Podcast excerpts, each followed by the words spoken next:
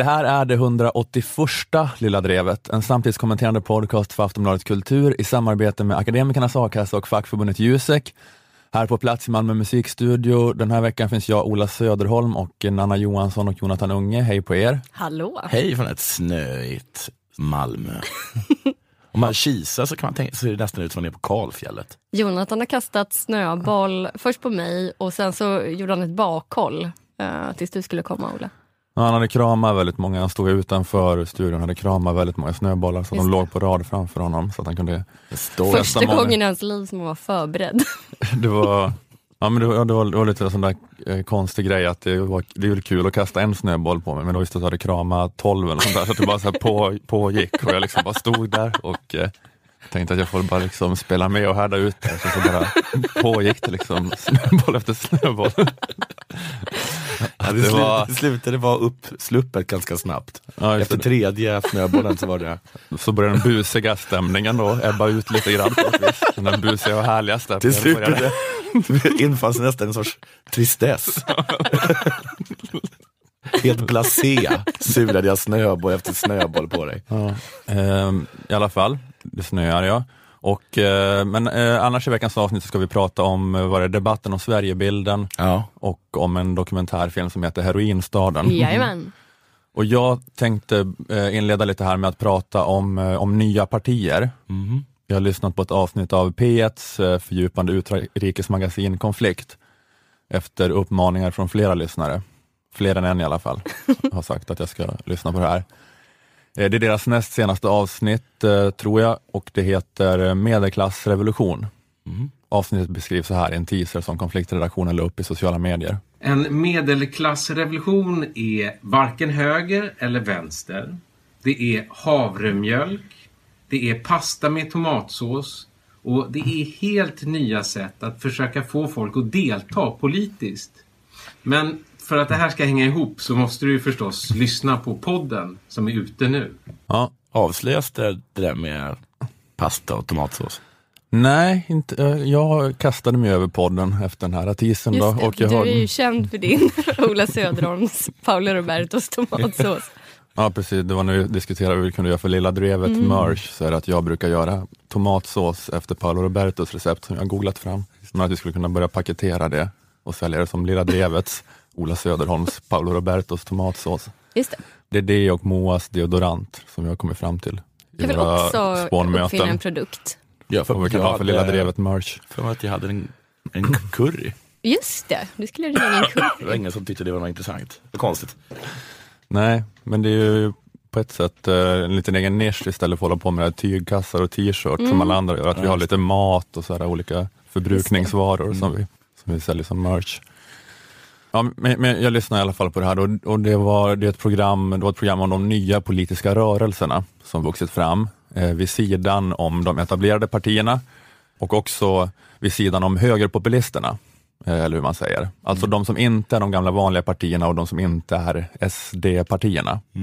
Att det var reportage från Frankrike om En Marche, eh, Macrons parti, Femstjärnerörelsen i Italien, eh, Alternativet i Danmark. De nya rörelserna som säger sig vilja revitalisera demokratin, öka förankringen, minska avståndet mellan väljare och politiker och att de då oftast också påstår sig vara varken höger eller vänster.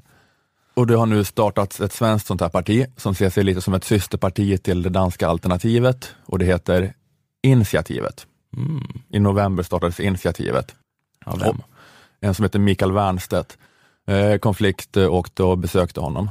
I ett toppmodernt kök i en ljus våning på Östermalm i Stockholm bjuder Mikael Wernstedt på en kopp kaffe med havremjölk. Mm, det var det där med havremjölken i alla fall. Eh, Det var, de besökte honom i ett eh, co-living space for global citizens på Östermalm i Stockholm.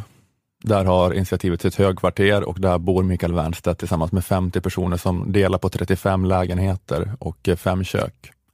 Så co-living space, är någon slags modernare, lite flashigare version av ett kollektiv. Och Mikael Wernstedt gillar det. Jag gillar det måste jag säga. Ibland så behöver man lite egen tid. Då får man åka ut i landet. Eller... Ja, om man behöver lite egen tid kan man ju bara åka ut till landet. Problem solved. Det är bara åka till sitt landställe, så är det inte mer med det. Men det känns som att det... Det är bråk ibland om vem, vems tur det är att betala städerskan. Ja, det var faktiskt det, att de sa att de hade städhjälp och kock där. Och så, så att det var lite flashigare då än... Det är helt underbart. Ja, men det, Med kock. jag ska inte hålla på med klassat, men det känns, som att, det känns som att det var lite fräschare än kollektivet jag bodde i första gången jag flyttade till Malmö. Att jag då öppnade kylen i vårt gemensamma kök och det enda som fanns i kylskåpet var en tub med Tenutex. Är det Det är så här skabbsalva. Att det stod bara en sån tub med skabbsalva mitt i mitt blickfång. Jag tror det är inte lika många skabbutbrott i detta co-living space for global citizens på Östermalm. Och inget fel med det i och för sig. I alla fall, Mikael Wernstedt berättar då för konfliktsreporter om eh, initiativet. Varför har det startats? Han tycker att de traditionella partierna är för tråkiga. Demokratin i kris, menar han. De andra partierna är för tråkiga och vad är det då ett parti som initiativet kan erbjuda unga väljare som känner leda inför de gamla etablerade partierna? Vi upplever att vi lever och jobbar och agerar på ett annat sätt och interagerar på ett annat sätt.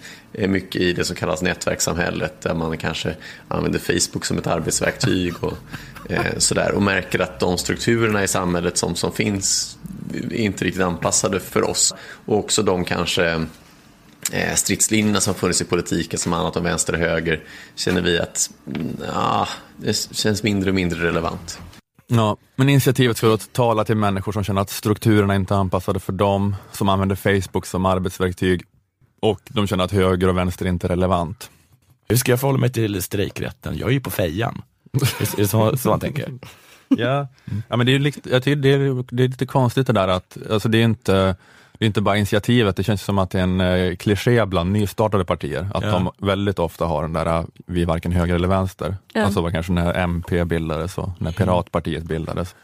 Nej, men en stor del av idén med initiativet, det är att man då, eh, precis som systerpartiet, det, danska alternativet, man, det är att man låter medlemmarna spåna fram förslag i så kallade politiska labb. De har workshops där de spånar förslag och de har också något digitalt verktyg där alla medlemmar kan skriva in sina politiska förslag och sen får de rösta på varandras inlägg. Kallas det för fejan. Det här verktyget, en sluten grupp på Facebook. Ja, det är, det är liksom en beskrivning av en arbetsmetod där mer, tycker jag. Men vad är det då initiativet vill? Eh, I konflikt eh, beskrivs det att diskussionerna i labben, de kan ibland fastna i små detaljer, som att partiets veckomail kallas flygplansnytt, vilket upprört flera medlemmar eftersom att eh, flyget skadar miljön. Men ibland är det också då, berättar han, att det är större filosofiska frågor som avhandlas. Vi hade på första workshopen jag var med så fick vi drömma om hur skulle ett samhälle se ut om, om 20 år som genomsyras av de här värderingarna. Eh, och så fick vi, fick vi blunda och så fick vi tänka oss det här samhället. Hur skulle det kännas? Vad skulle vi göra? Hur skulle vi interagera med människor? Eh, och det intressanta var att folk hade ganska liknande bild av hur det här samhället skulle se ut. Vi skulle ha mer tid med varandra. Vi skulle eh, le mot varandra, man skulle hålla upp dörren för varandra. Eh, man, man, det skulle vara ett varmare samhälle. Det var någon som sa också, det var intressant, det var faktiskt eh, Johanna Jönsson sitter i riksdagen för, för Centerpartiet, eh, som sa att ja, men då skulle mitt arbete vara gjort. Eh, då skulle jag ju vara färdig, då skulle inte jag behöva ta de här striderna. Om alla bara var snälla och... Ja, men om vi skulle, eh, om vi skulle, om, nej, men vi skulle ha ett samhälle som, som genomsyrades av, av öppenhet och medkänsla och mod. Ehm, det var någon som sa, jag ser att vi rent fysiskt går långsammare. Gud, det, det låter som Mr Skräcksamhälle. Folk är så här, helt sävliga på gatorna. Jag tycker redan folk är för långsamma. Ja, jag vet, det är ju också det hemskt, folk som går långsamt. Att jag kan, Jag vill bara jag kan inte. dem på hälarna. Johanna Jönsson är beredd att, eh, alltså om hon får ett samhälle där alla ler och är lyckliga, då är hon beredd att ta det, även om hon blir arbetslös. Ja, exakt. Det här är hon är ingen karriärpolitiker så, utan hon drivs av att hon vill förändra samhället. Ja. Nej, men det är centerpartistiska riksdagsledamöter som sitter i ett co-living space på Östermalm i Stockholm och blundar och försöker besvärja fram sitt drömsamhälle. Det känns ju som en fin bild av, av Roms sista dagar eller någonting. Det här känns inte som eh, ett, eh, ett, eh, ett tåg som bara kommer köra över alla andra partier inför valet. Vänta bara tills flygplansnytt börjar distribueras. I alla fall, eh, eh, det är då ett eh, samhälle präglat eh, av de här värderingarna, sa han. Alltså om man ska greppa tag i något han sa, liksom, så sa han då, eh, ska präglas av de här värderingarna, öppenhet, medkänsla och mod. Och det låter ju lite jag säger det rakt ut, det låter lite luddigt. Ja, Även om det då under den här workshopen också kom fram konkreta förslag som fler leenden och att man ska gå långsammare. Men det känns ändå, det känns ändå lite vagt. Att jag, jag, jag, jag gick in på initiativets hemsida och om, om man klickar på politik där så står det, det står så här, citat, bra politik börjar med bra frågor, inte färdiga svar. Till skillnad från etablerade partier tror inte vi att det finns några färdiga svar som representerar den bästa lösningen. Sanningen ligger någonstans mellan alla perspektiv och idéer. Bästa vägen framåt är därför att bli bättre frågeställare och ständigt ifrågasätta om vi vet tillräckligt. Och sen beskriver de den här arbetsmetoden om labb då igen. Så det står liksom ingenting då om vad de vill politiskt. Eh, Sen kan man också på initiativets hemsida klicka på fliken värderingar. Där kan man läsa om de sex värderingarna som initiativet utgår ifrån och tycker är extra viktiga. Och det är då öppenhet, optimism, medkänsla, medskapande, mod och eh, handlingskraft. Så. Nej, men, det, det, men det är lite vagt. Så deras, det är frågor, så deras partiprogram istället för förslag så är det, vad är det som händer? Vem är vad? Vad gör vi nu? Vad är det här? Jag kan inte säga något säkert om det, men det är en jättebra fråga du ställer Jonathan. Och så tänker jag att deras möten kanske också är ungefär. att jag vill liksom inte eh, hålla på med någon slags dogmer här, Nej. som begränsar ditt tänkande och ditt frågeställande. Nej, men jag, jag, får, jag får lite känslan av att, eh, ja, men att det är lite vagt. Jag får lite känslan av att partiet Initiativet är det vagaste som har hänt i mänsklighetens historia. Att det är så oerhört vagt. Att, det, att jag försökte några timmar och läsa på om initiativet och att det är som att man står och försöker fånga luften. Att det är, det är verkligen jätte, jättevagt. Den ambivalenta revolutionen. Å andra sidan har ju många i Danmark då sagt samma sak om alternativet. Mm. Det är också väldigt svårt att förstå vad det är. Men är det stort? Ja, de har kommit in i riksdagen. Skämt? Eller i Folketinget, som det heter i Jaha. Danmark. Imponerande. Och har så här 10 procent till lokalvalet i Köpenhamn. de kanske, de kanske inte är så där sköna då, danskarna. Ja, de är, förutom att de är sköna, är de också lite vaga. de är lite luddiga. Gillar liksom att blunda och ställa frågor till varandra. Uppenbarligen. Nej, men jag vet inte. Men det, men det är väl så att det går väl säkert att hitta alltså, många vaga positiva värdeord på andra politiska partiers hemsidor också. I och för sig. Att det här vi står för medkänsla. Men initiativet, eh, ja, det var verkligen det var så himla himla vagt. Men framförallt så har vi kanske de andra då, de gamla vanliga riksdagspartierna, de har ju inte bara eh, så här, info om våra värderingar, utan de har också något slags eh, partiprogram och politiskt program. Och konfliktreporten frågar eh, initiativet personen om det här med att, eh, jag menar, att känns det inte lite, lite vagt ändå? Jag ser ju lite en utmaning i att omsätta den typen av mjuka värden som att gå långsamt och öppna dörren till konkret politik. Vad tänker du om det? Ehm, då kanske sex timmars arbetsdag skulle ju vara en lösning eller friår eller andra saker som har varit uppe i den politiska debatten. Eh, Eller basinkomst som gör att man vågar satsa på sin person. Så att nog finns det politiska styrmedel som kan göra att vi kan, vi kan nå ett, ett samhälle där kan ha, som kan vara varmare. Är det politiska förslag? Det här är inte en av våra politiska förslag. Eh, det här var några saker som exempel på det. Eh, utan vi tar ju fram vår politik genom, genom workshops och, och online. Ja, det är inte deras förslag, sex timmars arbetsdag, friår, utan förslagen tas ju fram genom workshops och online. Fejan alltså. Men det är, det, det, det, det är något som är lite märkligt att, att, att starta ett parti och inte vara intresserad av att driva något, någon speciell politik, Ja. utan bara vara intresserad av hur man ska göra när man har möte. Att, att formen för organiseringen är det viktiga. Det kommer före de eventuella frågorna man ska organisera sig kring. Att, eh, varför startar ni det här partiet? Men vi har en, vi har en intern mail. Vår kärnfråga är att vi har ett diskussionsforum. Att det var inte så det gick till tror jag vid förra sekelskiftet. Att när sossarna och Folkpartiet och Moderaterna bildades. Att vi har identifierat att det finns ett starkt klassintresse här för att vi ska ha politiska möten där man utser en ordförande och sekreterare och justeringsman och får skriva upp sig i tur och ordning på en talarlista. Att det är ett politiskt labb vi brinner för. De här omvälvningarna av samhället som kommer av industrikapitalismens framväxt och urbaniseringen kräver att vi har, framförallt kräver det att vi har en justeringsman på våra möten. För att, ja, jag vet inte. Det var, det, det var lite vagt där med initiativet upplevde jag. Jag tycker att det där, just det där, deras enda förslag att man ska gå långsammare är väl superkonkret och genomförbart. Du menar att man ska få böter om man är för snabb. Man skulle också kunna ha någonting som mäter, alltså precis som det finns stegräknare. Och om man har tagit för snabba steg, eller om man har tagit tillräckligt långsamma steg så får man Ja, just det. subventionerad mjölk. Subventionerad havremjölk. Ste- Steghastighetsmätare. Ja, just det. Man ska få subventionerad havremjölk. Att det ska vara med det kanske inte ska vara lag mot att gå snabbt, Nej. men det ska vara liksom morötter för att uppmuntra att man går långsammare. Så sitter så här, trots att man får subventionerad havremjölk, så har så himla få tagit ut sin havremjölksbonus. Hur kan det komma sig? Att det blir som fiaskot med miljöbilspremien eller sånt där. Pappamånaden. Ingen nappar. Nej men det, man brinner för det här, vill organisera sig politiskt kring ett speciellt sätt att ha möte på. Men det, att det var lite vagt till den här grejen med initiativet upplevde jag. Men sen så kom det här nu i veckan med Feministiskt initiativs valfilm, har ni sett den? Jag har hört den. Jag har inte sett. Du har hört audion? Ja. Okej. För det, det har varit lite av ett eh, meme eller ett skämt på Twitter om hur himla vag den var. Mm. Ap- Apropå vaghet. Ja, den var otroligt vag. Ja, Det var ju, det var ju en dikt. Visst, det var en ganska vag text, en dikt då, som lästes över väldigt vaga bilder också. Ehm, Jag vet, inte, jag vet inte vad man kan säga om bilderna, det var så bilder på livet. Att, att kanske en, olika människor som, någon kanske står och speglar sin badrumsspegel eller några det- spelar fotboll. Var det en liten Nå- någon, hand eh, som slöt sig runt ett, runt ett stort um, mansfinger? Jag kan inte minnas det specifikt, men förmodligen var det det. Sverige. I bakrutan går tiden isär i välvande kamp. Med blommor i håret och hjärtats mening på plakat.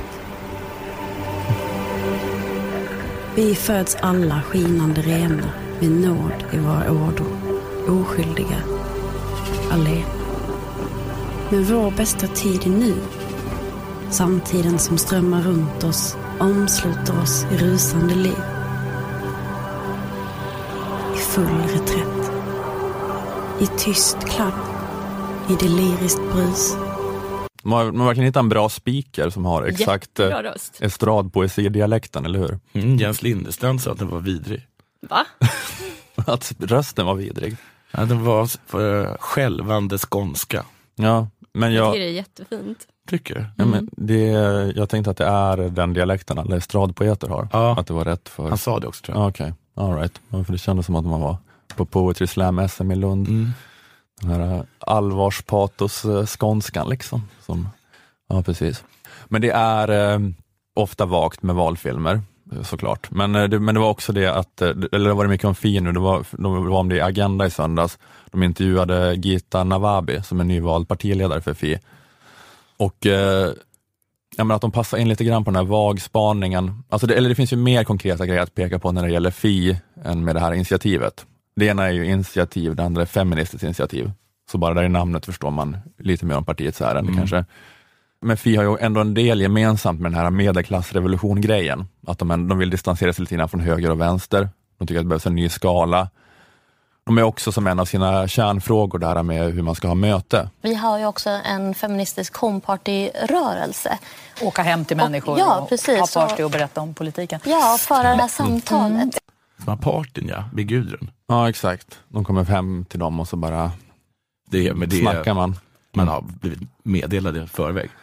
Ja, jag tror att det är någon sån här grej att man, eh, är det inte att man ska samla ihop eh, ett antal människor så kommer Gudrun? Ja just det, om man, om man samlar 20 pers så kommer Ja, om, det sam, om man går Det är, ihop. som att, det är som att gå in i ett mörkt rum och titta, titta i spegeln och skrika Candyman tre gånger. Så kommer bara Candyman. Och har du 20 pers i ett rum, då bara dyker Gudrun upp. Med en rökmaskin och en diskokula. Det är bra synopsis för en skräckfilm kanske. Jag Vänta, tror, hur jag tror många att, är det på festen? Nej, vi är precis 20. Pling, Pling plong. plong. det är ju någonting du skulle, alltså som Ann Heberlein har crowdfundat sin bok om liksom, eh, förlåt. våldtäkter, att det här är ju verkligen något som eh, så här, haverist eh, högermänniskorna skulle kunna crowdfunda åt i skräckfilmen om Gudrun Schyman som bara dyker upp i tomma intet. Här kommer jag med min förlossningsvideo. Som jag lyckas få över till DVD. Vi lägger upp en kickstart direkt efter programmet. Men det var också då ett reportage från Stockholms kommun eh, där Fi har varit med och styrt i en rödgrön rosa majoritet under senaste mandatperioden.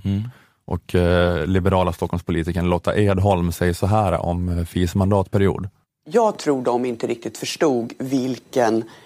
De satt ju på en, en guldgruva av makt om de hade velat.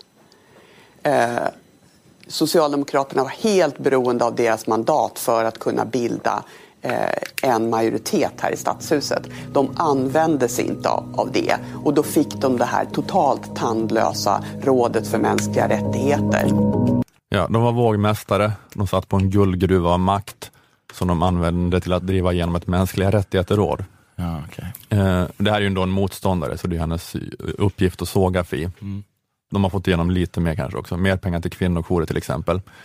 Men, det, men jag tänker att det kanske också ligger något i att, att de liksom är lite dåliga på att uh, utnyttja en guldgruva av makt, för att de, det, är, det är lite vagt vad de vill konkret. Mm. Alltså det är mycket med Fi att de vill ha mer mänskliga rättigheter. Uh, det är mycket Fis grej, mänskliga rättigheter-vurmen. Och det, alltså den är på ett plan radikal jämfört med mainstreampolitiken idag, när det gäller så asyl och migrationsgrejen. Att Fi i det fallet mycket mer än övriga idag betonar då mänskliga rättigheter som utgår från individen, snarare än rättigheter som utgår från medborgarskap. Men det känns så, som att kanske Sveriges här asylpolitik inte påverkas så mycket av Stockholms stads råd för mänskliga rättigheter. Och att det här då med ja till mänskliga rättigheter, ja men det blir något som andra partier kanske bemöter rätt mycket med ja, jo, absolut, för all del. Att eh, det är ja, vi kör på det. Men det är, man vet inte vad man ska säga om det riktigt. Men det här är också partier som inte, det är som inte bara att de inte är höger och vänster, det här är också partier som egentligen inte vill ha makt. Nej. Alltså att om, om initiativet skulle komma in och sitta i en samlingsregering med sossarna så skulle det inte bli, det skulle inte bli en fight över finansministerposten. Utan de skulle istället då hitta på ett leende departement. och så skulle man nöjda med att få det är, inte, det, är inte, det. är inte så mycket så här hård lagstiftning. Liksom. Det är inte den här och den här och den här lagen, utan det är lite det här då, men vår grej är lite positivt laddade värdeord. Liksom. Mm. Och då blir man ett ganska bra röstboskap för Socialdemokraterna om man kommer in i en, i en majoritet med dem. Det, det är en grej som inte anses vag med dem, som de tog upp här i Agenda. En grej de anklagas för av sina politiska motståndare. När det till exempel gäller hedersförtryck, där har vi ju fått knuffa dem framför oss för att överhuvudtaget få dem att, att erkänna att de problemen existerar. Ja, de menar att FI är en bromskloss i arbetet mot hedersförtryck. Så det är ju i alla fall eh, någonting då, mm. på så vis. Men... Det brinner de för, att det inte finns. Ja, men Agenda-programledaren frågar om att FI sagt nej eh, till en straffskärpning för hedersbrott. Och de har sagt nej till att eh, det ska ses som en egen brottskategori mm. i lagstiftningen, eh, hedersbrott. Och Gita Nawabi gjorde då en, ja, hon gjorde lite av en remix på Gudrun Schymans gamla talibantal, om det här med samma strukturer här som där. Våldet är ju grunden. Det är samma strukturer som eh, tar sig andra uttryck. Och det är de uttrycken samma strukturer som, vi, som vad? Samma strukturer, vålds, eh, samma strukturer som i vårt samhälle. De, de patriarkala mönstren som ser våldet. Så det här finns också i det, det typiskt svenska miljön menar du?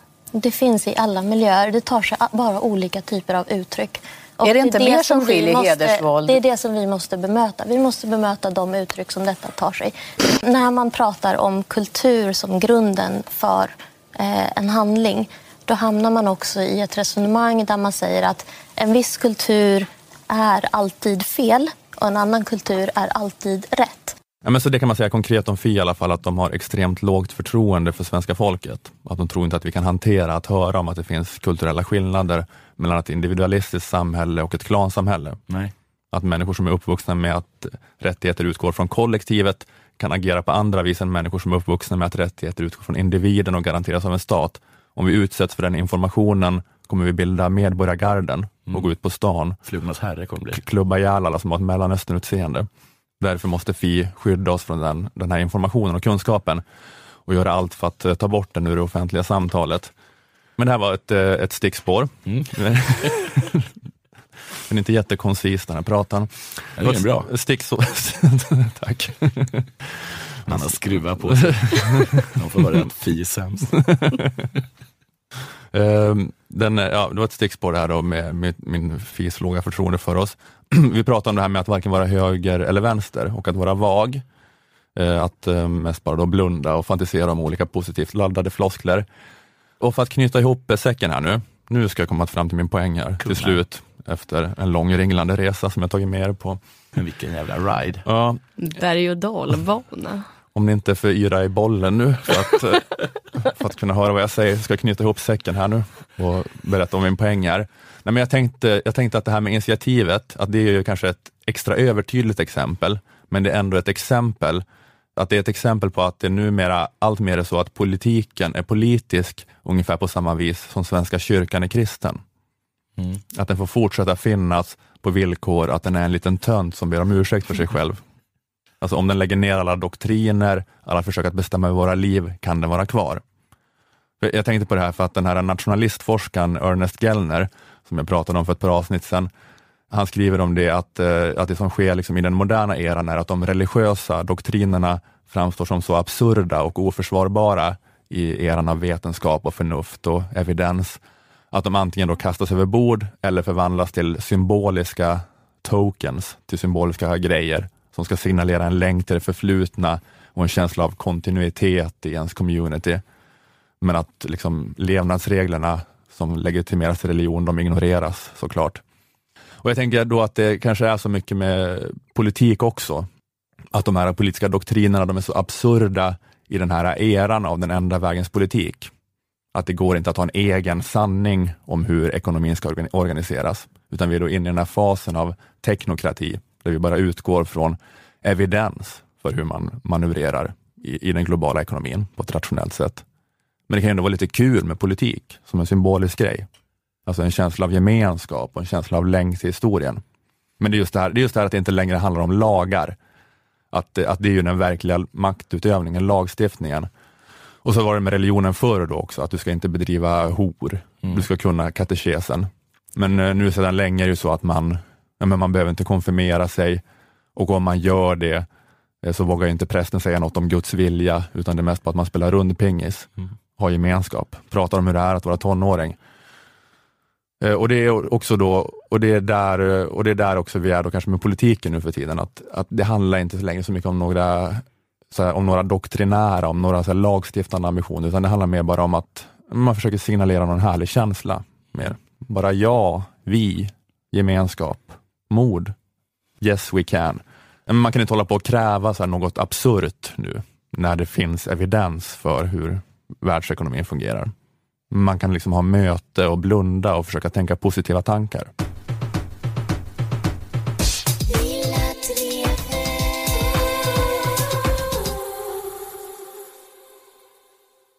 Bered er på tio minuter helt utan skoj men med en rejäl dos deppighet och misär.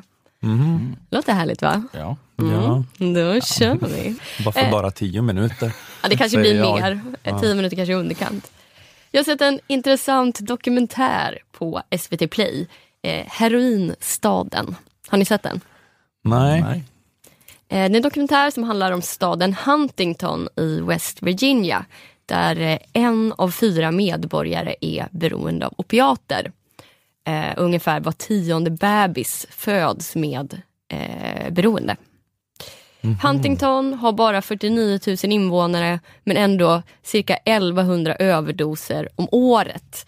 Eh, brandkårens främsta uppgift är, är liksom inte att släcka bränder utan att åka runt och väcka upp folk som har överdoserat. Så, säg, hur många invånare, hur många överdoser? Säg det en gång till. Eh, 49 000 invånare, 1100 överdoser. Åh gud, ja, Mm. det låter väldigt mycket. Ja.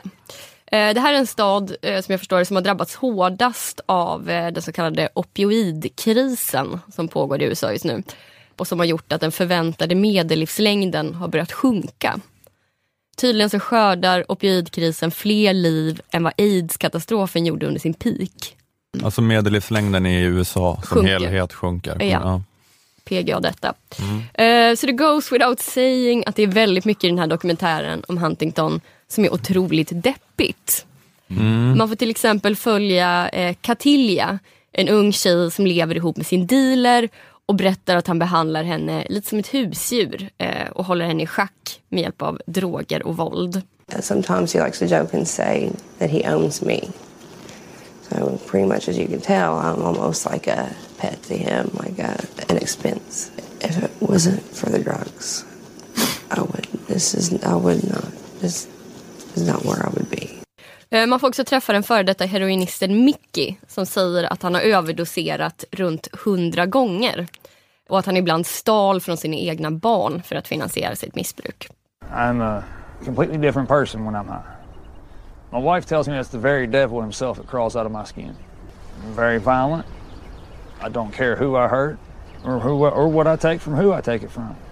I've stolen from my own kids to get high. I've let guys suck my dick to get high. I mean, it's you, you'll do whatever it takes. Mm. Att han blir avsugen? Mm. Okej. Eh, trots att den här dokumentären är svinmörk så är den ändå en uppfriskande kontrast mot hur debatten har varit här i Sverige och hur man ser på droganvändande här. Eh, för i Huntington läggs inte skulden på enskilda individer som hamnat snett utan på de faktorer som legat till grund för att så många människor har råkat illa ut. En förklaring till situationen är att läkare i Huntington och i övriga USA var lite väl glada i att skriva ut eh, smärtstillande på 90-talet. Man kunde få opiater utskrivna för arbetsskador och lite allt möjligt vilket gjorde att väldigt många blev beroende av eh, legala droger. Sen skärpte myndigheterna hur mycket opiater som fick skrivas ut och då började folk vända sig till heroin istället eftersom det var både billigare och enklare att få tag på. Väldigt många som intervjuas i dokumentären har gått just den här vägen. Eh, Vi kan lyssna på en kvinna. How did you get started? Well, I was in a car accident and I broke my neck, so I kept having all this pain and I was going to doctors and they just kept handing me pain pills, literally throwing them down down my throat. How did that lead to you being addicted to heroin? I told the doctor, I said, "Look, I'm addicted to these. 100% no doubt about it. I'm sick, I'm puking, I can't do anything. You've got to help me." The doctor cut me off cold turkey. He says, "I don't know what to tell you. Have a great day." Shut the door and walked out. Det börjar med någon skada som de får kopiösa mängder smärtstillande för. Eh, så blir de beroende av det. Några andra berättar att de hade anhöriga som då har fått såna här extrema mängder opiater utskrivna och som de kunde då börja nalla av som tonåringar. Eh, och efter det så har deras liv mer och mer behandlat om att få tag i droger. Eh, Men det positiva är att eftersom så himla många i Huntington använder opiater så är det inte så stigmatiserat att vara heroinist där. När en av fyra är drogberoende så betyder det att alla i samhället har en familjemedlem eller kompis eller i alla fall granne som är heroinist. Och då går det liksom inte att tala om vi och dem.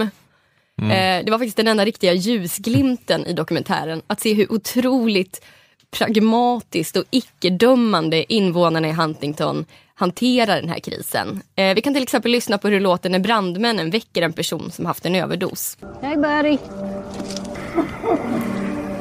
Hey, honey, it's cold out here. I'm gonna pull your shirt down for you, okay?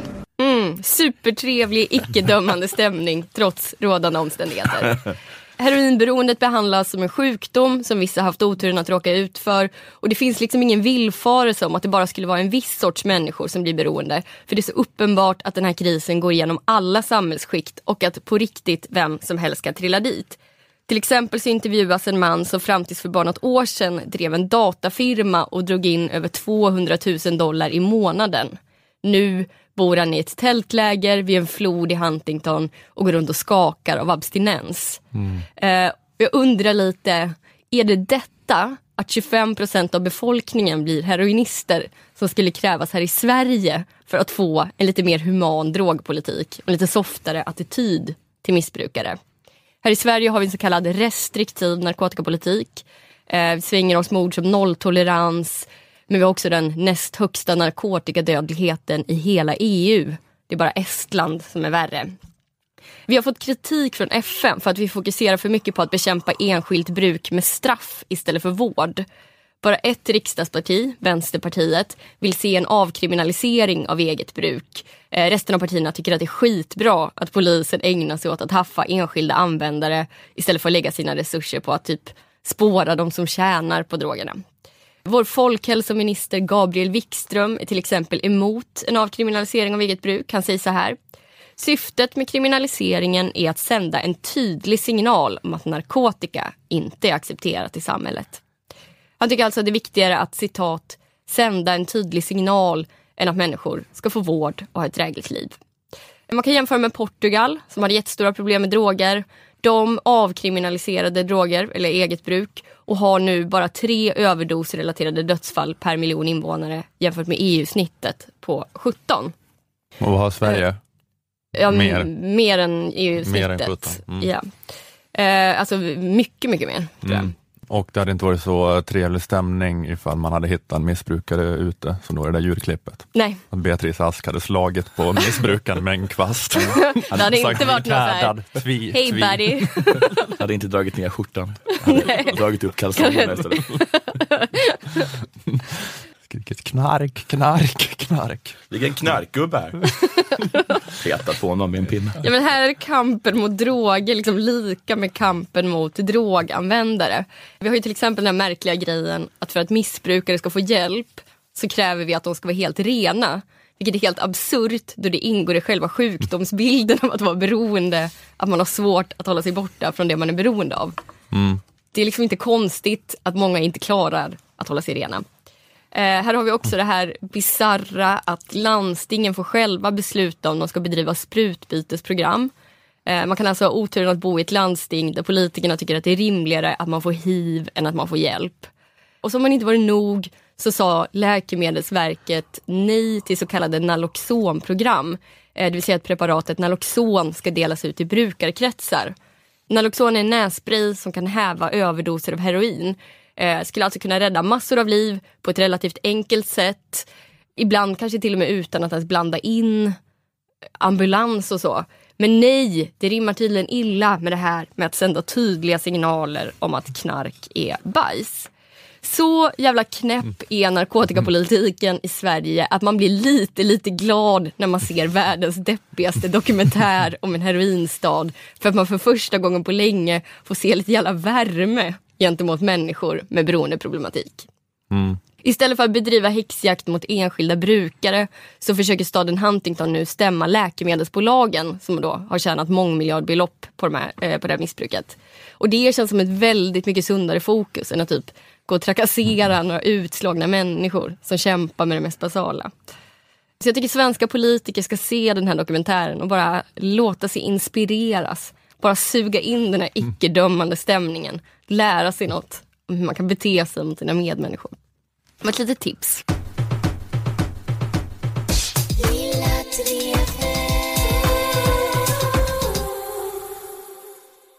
Om man inte fattade att man ska vara med i facket innan så borde man ju fatta det nu efter de här äh, avslöjandena i Aftonbladet, de här vittnesmålen från 16 tidigare anställda om arbetsförhållandena på Elisabeth Massi Fritz advokatbyrå. Just det. Eller hur? Viktigt att kunna vara med i facket då för att kunna bekämpa arbetsgivare som ignorerar kollektivavtal, pressar dig till att jobba 16 timmar per dag, pressar dig till att överdebitera kunder. Och är du jurist eh, så är det just vår sponsor, fackförbundet Jusek, som du ska vara med i.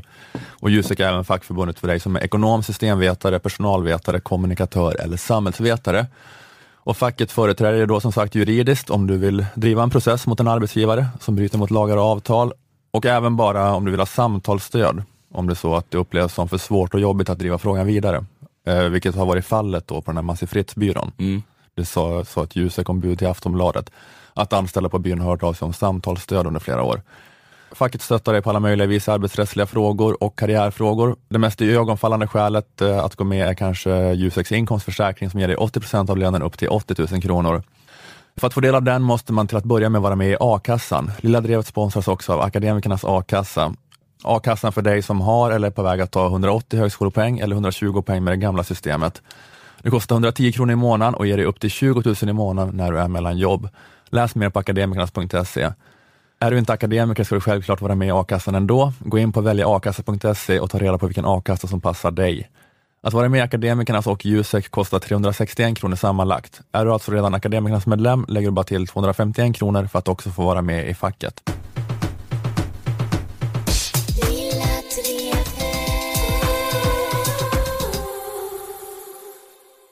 Vi ska tala om det här. Sverigebilden. Den har haft det lite motigt den senaste tiden. Sverigebilden. Den är ingen vidare. Nej. Konstigt, för den brukar ju vara toppen. Ja. Hey, I'm Ryan Reynolds. At Mint Mobile, we like to do the opposite of what Big Wireless does. They charge you a lot, we charge you a little. So naturally, when they announced they'd be raising their prices due to inflation, we decided to deflate our prices due to not hating you. That's right. We're cutting the price of Mint Unlimited from $30 a month to just $15 a month. Give it a try at mintmobile.com slash switch. $45 upfront for three months plus taxes and fees. Promo rate for new customers for limited time. Unlimited more than 40 gigabytes per month. Slows. Full terms at mintmobile.com. Den, eh, men är, är det alltid så att den brukar vara toppen? Ja, precis. Den har varit jättebra. Alltid. Den har alltid har den varit jättebra. Men nu, Det är så nu är det vi- andra, andra bullar. Vi blir hela tiden av med vår oskuld och, och vi har alltid haft en bra Sverigebild. Sverigebilden, bilden av Sverige, alltså hur folk utomlands ser på vårt land. Eh, Det är en fråga vi har ställt oss genom hela vår historia. Hur, hur ty- tycker och tänker folk om oss? Och ja, visst, eh, även tidigare har vi fått stå ut med uttalanden likt denna. I'm going to talk about five things that have absolutely shocked me about Sweden since I moved here five months ago. Folk kommer utomlands och är chockade och det är ju tufft att få höra eh, såklart. Men dessa har alltid utmynnat i dessa slutsatser. And the first thing that shocked me is how amazingly good looking the people are in Sweden. I mean, everywhere I look around, people are in good shape. They're dressed very, very nicely. They, they're well groomed. I'm talking about girls, guys, everybody is just surprising. They have a great fashion sense. Ingen gillar ju kritik. Men om man nu ändå måste ta kritik så är kritik angående hur satans snygga vi är. Mm. Det är den sortens kritik man i alla fall kan stå ut med. Vi kan säga till er amerikaner att känslorna är inte besvarade. Särskilt när det gäller det här med fashion sense. Nej. Ni kan ju inte ha på er ett par byxor. Nej. Vad är det ni har för passform på byxorna? Ja, och måste ni ha chinos till allt? Ja. Nåja, det där får vi ta någon annan gång. Men något har tydligen då förändrats, för numera är det mer sånt här vi kritiseras för. Sweden. Did you think I'd forgotten about you? How could I forget about my favourite country? The only country to have a feminist government while simultaneously being the rape capital of a continent. Sweden's come up with a novel new way of addressing its rampant rape problem. Stop importing the rapists. No, arrest and fine the people who complain about it. One guy who said Muslim migrants were responsible for a lot of the rapes in Sweden was fined $1,265 for committing a crime of opinion. A crime of opinion. Tiden då eh, utlänningar kom hit och blev helt eh, chockade över hur snygga vi är, den är borta. Numera sitter det arga människor på Youtube och tar upp saker som att vi är våldtäktslandet nummer ett. Skriker saker om vår feminina regering som låtsas som ingenting. Eh, och, och sånt. Det var väl feministiska regering? En del av den där kritik som kommer från då olika konton på Youtube, de, den kan man liksom bara bortse ifrån. Ja, stämmer det där med att någon har dömts för crime of opinion? Det vet jag inte. Nej, vi får helt enkelt lita på den australiska mannen. Det är mycket, mycket möjligt. Men en del av en sån där kritik som de eh, står och skriker om, det kan man bara bortse. Eh, som typ den här. In the Swedish city of Oskarshamn, joggers going out after night will have the option of being accompanied by armed police officers. This is something that the local inspector thinks will make people a bit safer at night going out in a Swedish city. Who would have believed I would have said that about a Swedish city just five years ago? It is truly incredible. Vad som också är fullständigt otroligt är att någon överhuvudtaget skulle tala om Sverige för fem år sedan. Mm. Att, alltså att det, att, det, att det överhuvudtaget finns en, att dessa nyheter ens finns. Ja, finns det, eh, vet du om det där stämmer? jag att, inte. att poliser joggar med folk i Oskarshamn? Om det stämmer. Alltså vi, vi, Det, de sa att det var sant. Ja. Och så, och så visar de någon artikel som verkade stämma. Att folk inte kan jogga utan poliseskort i Oskarshamn, det är inte bara fånigt, det är också skrattretande. Och det är framförallt skrattretande att det har blivit en internationell nyhet. Hur som helst, eh, det har till och med gått så långt att eh, random P3-tjej nu letat sig in hos de största youtuberna. Now, well, in reaction to this, Swedish comedian and radio host Emma Nikera tweeted out, What do you think about putting together a really cool festival where only non men are welcome that will run until all men have learned how to behave themselves? And to that tweet, there were a lot of people saying, Yeah, we should have a women only music festival. You also had people saying that's sexist. You're essentially calling all men rapists. Emma Knyckare är nu ett välkänt namn hos de som ogillar feminism och multikultur. jag har s- faktiskt sett det på Youtube, att så här, Mm. någon hade lagt någon film. Emma Nekare. Ja. kan inte uttala saker heller. Sitter människor i Kina och så uttalar saker fel. Himla irriterande. Det är inte bara på nätet och på sociala medier som Sverigebilden dryftas, utan även eh, etablerad gammelmedia gör en stor sak över hur uselt det är i Sverige. Jag tror det är ett stående inslag hos Tucker Carlson. Vi kan lyssna på ett liten, eh, litet klipp från Tucker Carlson här på Fox. You are an immigrant from a Muslim family, and yet you've taken a hard line against Muslim immigration, mass immigration from uh, Muslim countries. What's the response been to you? If we want to help people, and that is truly what we want to do, you cannot put so much pressure to the system that the uh, that the system collapses under its own weight. And the response I've been having to, uh, because I'm, you know, merely putting this statement out that saying, look, there's a limit to how my, many people you can you can take in, uh, has been to call me basically uh, uh, Uncle Tom, a house nigger. I've been compared to Dr. Mengele. Hanif Bali talar ut alltså här i en av USAs största tv-kanaler. Mm. På taskig engelska. Ja, men... eh, Dåligt uttal. Den utan synd och så vidare. Jo, jag, min är jättedålig. Men jag går inte ut på, på Tucker Carlson. Du tackar, tackar nej varje gång. Ja, ja. Och en av alt-right-rörelsens guldgossar, Milo, han sa detta om vårt land hos eh, poddaren Joe Rogan. Yes. Um, n- well, Sweden has issued women with wristbands, and these wristbands say "Don't rape." That's Sweden's answer to the rape crisis. No. Yes. Sweden's answer to the rape crisis is to Don't issue women rape. with wristbands that say "Don't rape," and to forbid the police from mentioning the ethnicity and religion of assailants. That's Sweden's answer to the rape crisis. Oh. So I can't fix that. Alltså en sån kompis skulle man vilja ha som bara reagerar på allt man säger. No! Ja, han är faktiskt väldigt bra vän, Jerry. och som ni hör, han gillar inte vad han hör. Milo lovade också i samma program att genomföra en aktion i Sverige. So I'm gonna, I'm gonna, I'm gonna ride. I hope the, sec- that my security guys. A have golden pony, please said- say yes. I'm going to ride a horse. Yes, You are? uh, into the You're gonna Muslim ride a horse? I'm hoping so. Yeah. Uh, the security people are t- asking me not to do it because they can't protect me if I'm much higher. You know, Right. Because anybody could take me out from anywhere. But I'm, I'm hoping to persuade them to let me do it, and I want to ride in with like I want 20 people in a V shape with like Milo banners behind me, like proper full Game of Thrones style. And I want to be riding. this, or they're gonna course. be- of course. Okay. Um, we'll, we'll take we'll take all our people over. Well, I'm sure there'll be plenty of volunteers in this march anyway. And it's going to be me on horseback, marching into the Muslim ghetto, and then giving a speech about Islam and gays in the very heart of European cuckery. This country, Sweden, Mm. which has given itself over completely to Islamic immigration, which is now the rape capital of Europe because Is that true? um, yes. Han ska alltså rida in på en häst rakt igenom eh, Rosengård och sen ska han hålla, tag, eh, hålla tal om bögeri. Okej. Men det blev inget av med det. Okej, var det länge sedan han eh, gjorde den här utfästelsen? Ja, eller? sen så visade det sig att det, han, var, han blev för mordhotad, sa han. Ja. Eventuellt att det var lite jobbigt att ta sig till Malmö. Fixa en häst. Det All kanske var, logistik. kanske var, kanske var eh, hästen det, det föll på. Annars tycker jag en ganska rolig idé. Ja, Faktiskt. men har inte den här, har inte den här, eh, har inte den här gay-tenor hållit på med det i Sverige? Gay-tenoren? Ja, har han gjort det? Gay-tenoren, han har, stått, han har stått utanför moskéer vet jag och viftat med plakat och sagt sant? att han är gay. Fan vad Tror jag. coolt. Ja, Så himla Tror svårt jag. att tro att han sk- skulle göra det, men vad, vad, vad kul.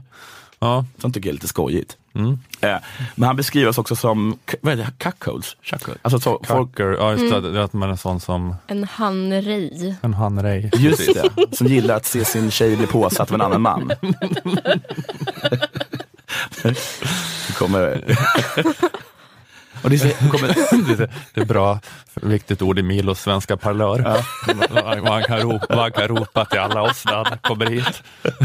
Skrika hanrej till, till, till alla oss svenska män. det han lär sig det och tack så mycket. Var är toaletten, Henry?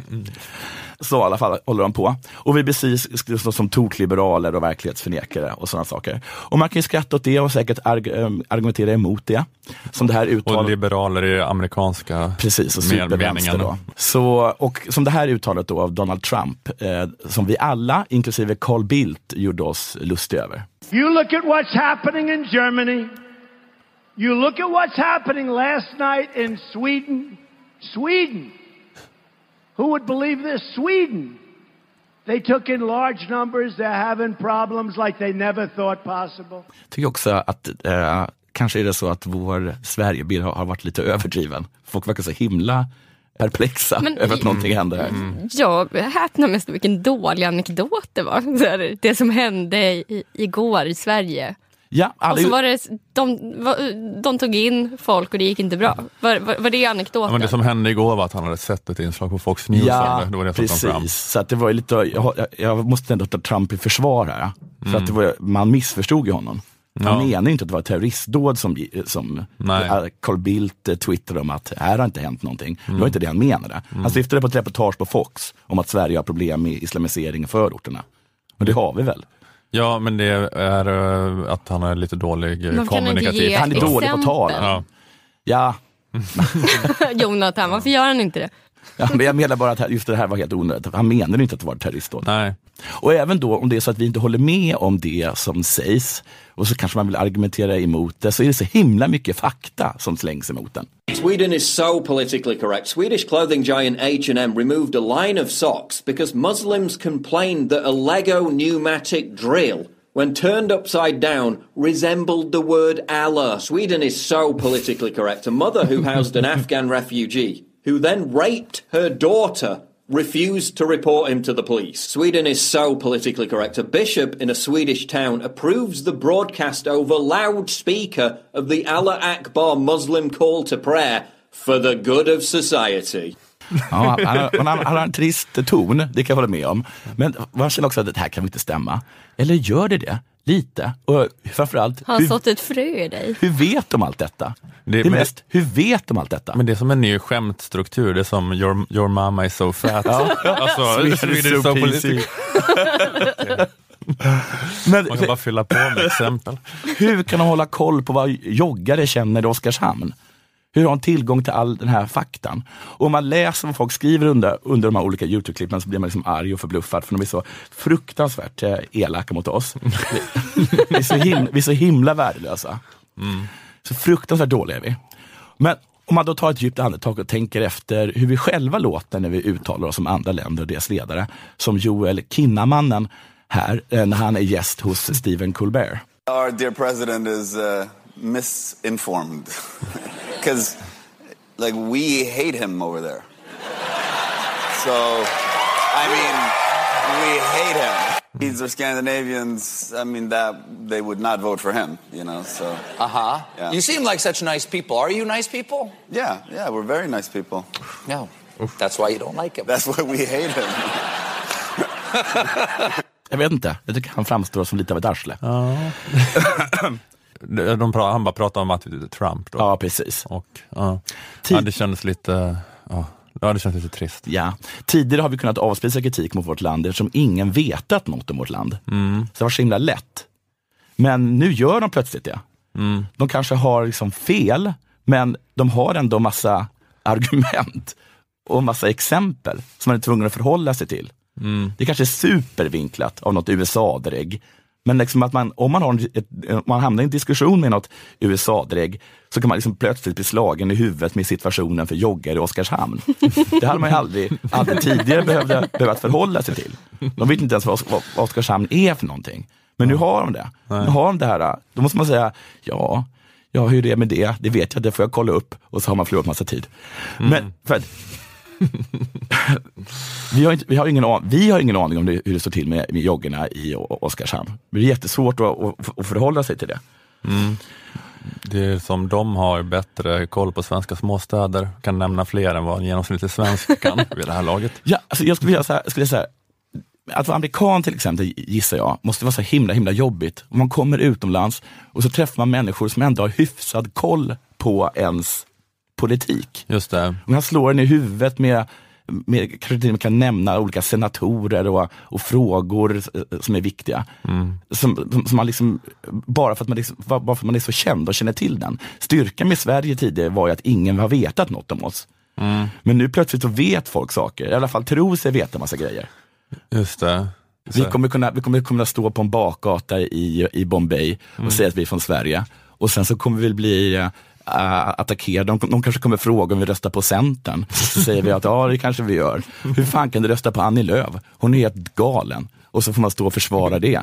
Eller att de drar upp någonting om flygskatten.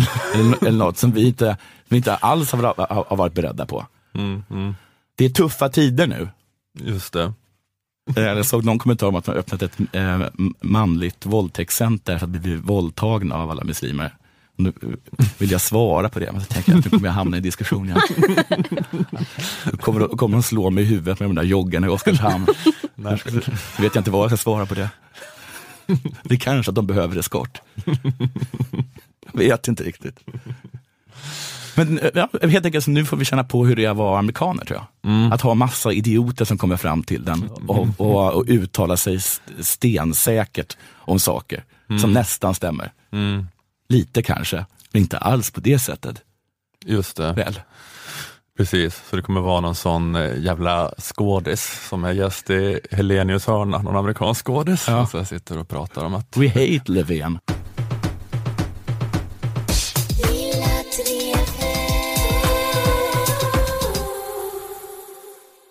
Jag vill pusha för min eh, turné som jag har med Branne och eh, Ahmed. Sämst. Börjar i mitten av eh, mars. Spännande. Kommer vara överallt. Mm. Köp gärna biljetter på sämst.se. Vi säger tack till Aftonbladet Kultur, Akademikernas A-kassa och fackförbundet Jusek. Tack till Malmö musikstudio där vi spelade in. Jag heter Ola Söderholm, ni heter Nanna Johansson och Jonathan Unge. Vi hörs igen om en vecka. Hej hej! hej. Hej hej! Ringer du en taxi älskling? Nej. Eh, jo. Jag måste ringa Bergdahl Nu ska jag ringa taxi. Ja.